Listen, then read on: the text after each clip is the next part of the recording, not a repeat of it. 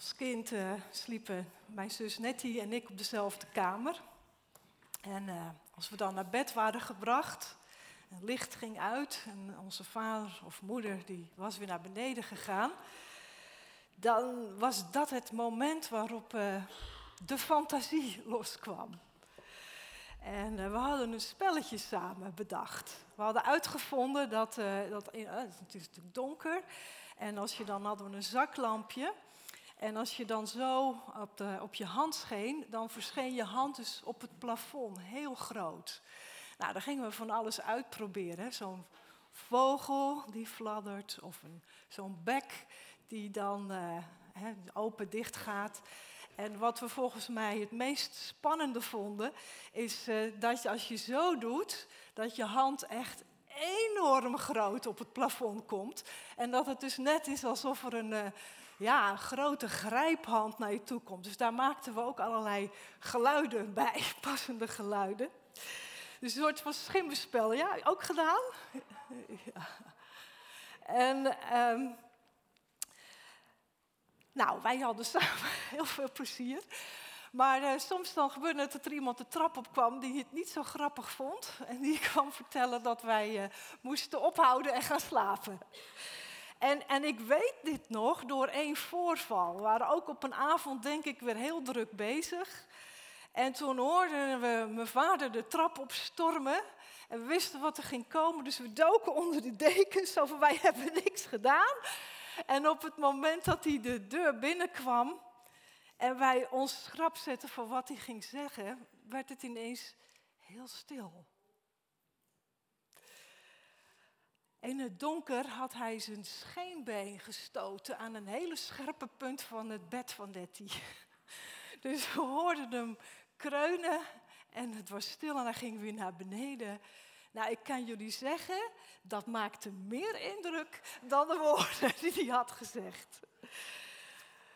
Maar nou gaat het me even niet over, uh, over dat wat er met mijn vader gebeurde, maar het gaat me even over, over handen. Want ik, dit is waar ik moest, aan moest denken over, uh, als, als we kijken naar onze handen.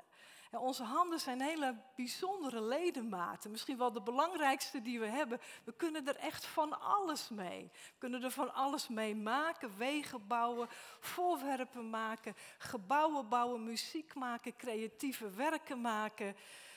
Schrijven, auto besturen, eten maken. We kunnen echt van alles met onze handen. Dus wat wij met ons hoofd bedenken, dat gaan onze handen doen. Die voeren dat uit. Is een hele mooie, mooie combinatie. Een prachtig mooie samenwerking. Wat je bedenkt in je hoofd, dat, dat kunnen je handen gaan doen. En in de Bijbel, daar wordt ook gesproken over de handen van God. Meer dan 200 keer wordt het genoemd als beeld, als, dat, dat God handen heeft. En en het gaat er daarbij altijd om wat God dan doet, wat Hij dan gedaan heeft. En dan gaat het over, wat, over de schepping, of het gaat over daden die Hij heeft verricht, ingrijpen, verlossing, redding, bevrijding. Het gaat altijd over dat wat God heeft gedaan.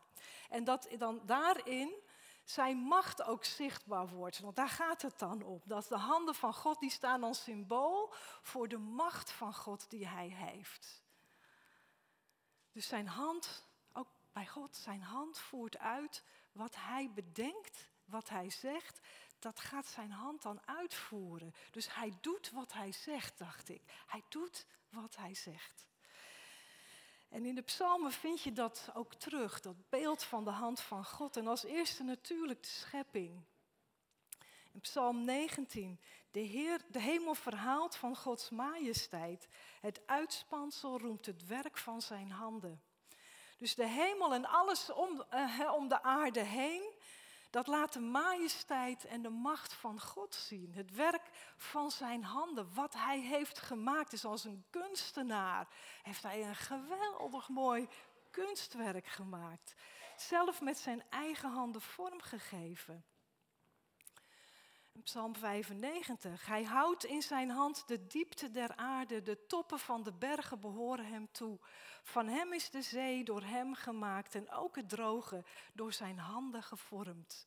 Dus ook de aarde en de diepte, van alle diepte tot alle hoogtes, door Hem ontworpen, met Zijn handen gemaakt. En als je iets ontworpen hebt en je hebt het ook zelf gemaakt, dan is het van jou. Dan behoort het jou toe. En God, dat is voor God ook zo. Hij heeft de heerschappij. Hij heeft het gemaakt. Zelf ontworpen, zelf bedacht. Hij heeft het gemaakt. Het is van Hem en Hij heeft er de heerschappij over.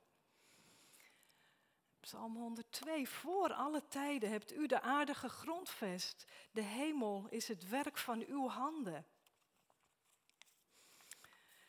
Zij zullen vergaan, maar u houdt stand. En zij zullen als kleren verslijten, maar u verwisselt ze als een gewaad en zij verdwijnen. Maar u blijft dezelfde. Uw jaren nemen geen einde. En dus zelfs het werk van God slijt. Ook aan slijtage onderhevig. En zij zorgt steeds weer dat het vernieuwd wordt. Hij zorgt ervoor. Hij waakt erover dat wat hij zelf gemaakt heeft. En zelf doorstaat hij alles. Hij zelf heeft geen vernieuwing nodig. Hij is het begin en hij is het einde. En als je je daar dan een beeld bij vormt, hè, bij, bij, bij dit wat God doet, dat Hij waakt en beschermt en zorgt en vernieuwt voor dat wat Hij gemaakt heeft, dan is dit wat ik voor me zie. Hij houdt de aarde, de hele schepping, hij houdt het veilig in zijn handen. Hij houdt alles in zijn hand. Hij waakt erover, hij beschermt het, hij zorgt ervoor. De hand van God maakt wat hij bedenkt en hij zorgt ervoor. Hij waakt erover. Dit is van mij. Ik moet er goed voor zorgen. En zo doet hij dat ook met ons. En ook dat vind je terug in de psalmen. Psalm 10. U ziet de pijn en het verdriet. U merkt het op en u weegt het in uw hand. Op u vertrouwen weerloze mensen. De wezen, u komt hen te hulp. En dit is een psalm van iemand die zich onderdrukt voelt en die om hulp roept bij de Heer. En die, en die dan weet en zegt, nee maar God ziet het. Hij weet het. Hij kent mij. En hij weegt mijn verdriet in zijn hand. En als God het in zijn hand weegt, dan voelt hij hoe zwaar dat verdriet is. Hoe zwaar het gemis is van velen van jullie die een dierbare missen. Hij voelt hoe zwaar dat gemis is. En dan zegt hij, maar daar moet ik iets aan gaan doen. Daar ga ik iets aan doen. En hij komt op voor de zwakken en de kwetsbaren. Dus God doet wat hij zegt. Hij doet met zijn hand wat hij zegt.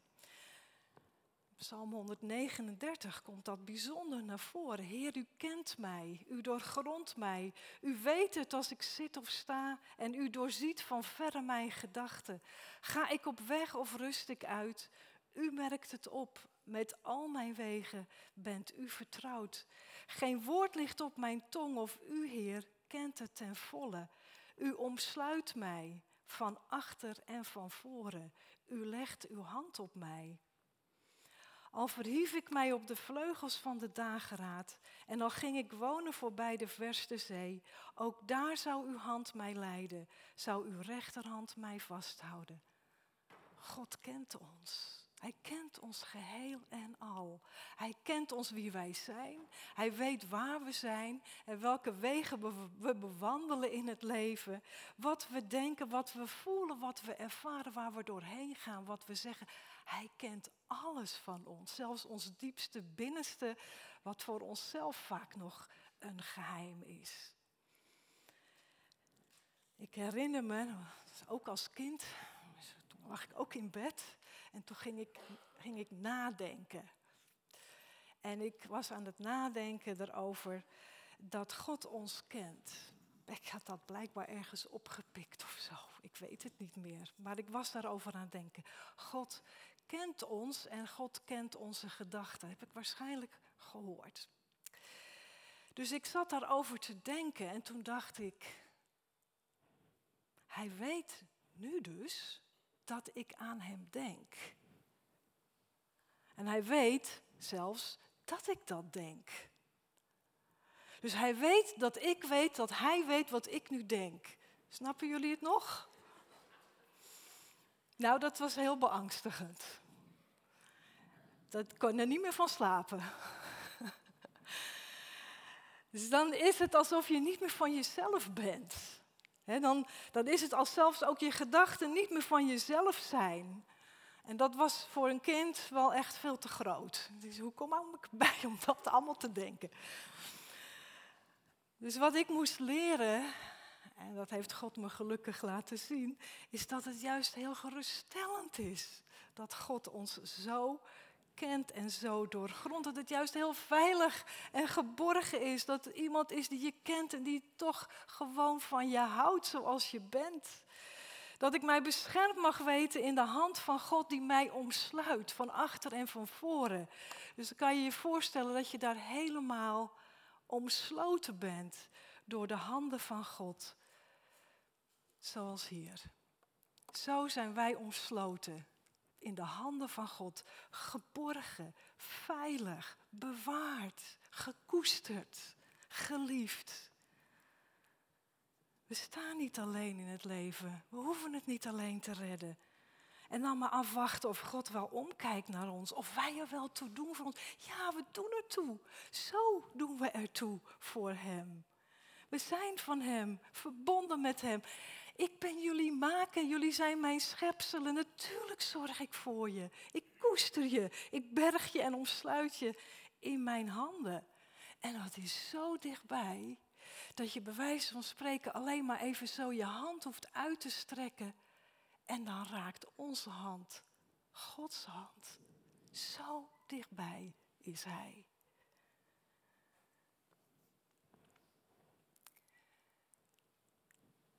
En Hij geeft ons ook wat we nodig hebben.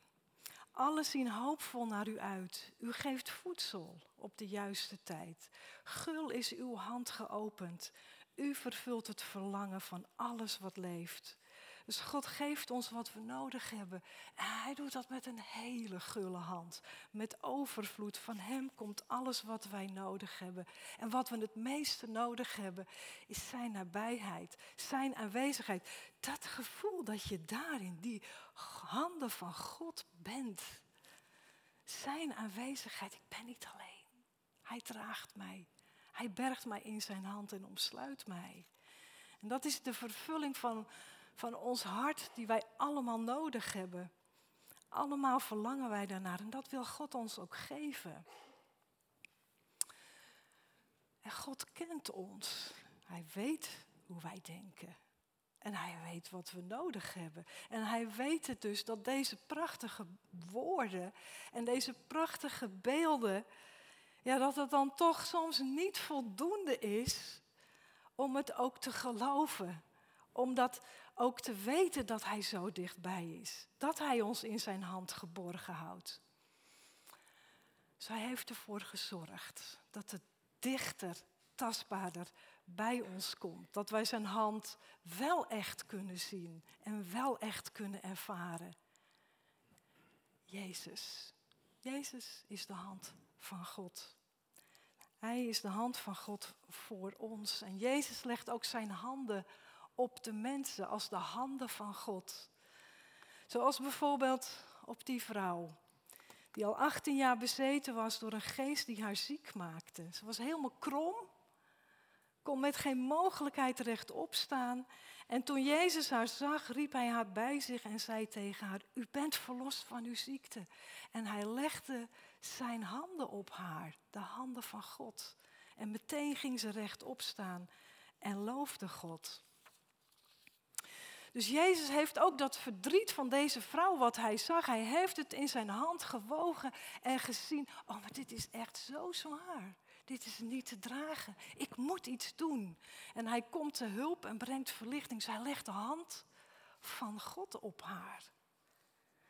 En Jezus doet dat ook met de kinderen die bij hem worden gebracht hè, door de ouders. En hij neemt ze in zijn armen en zegent ze door hun de handen op te leggen.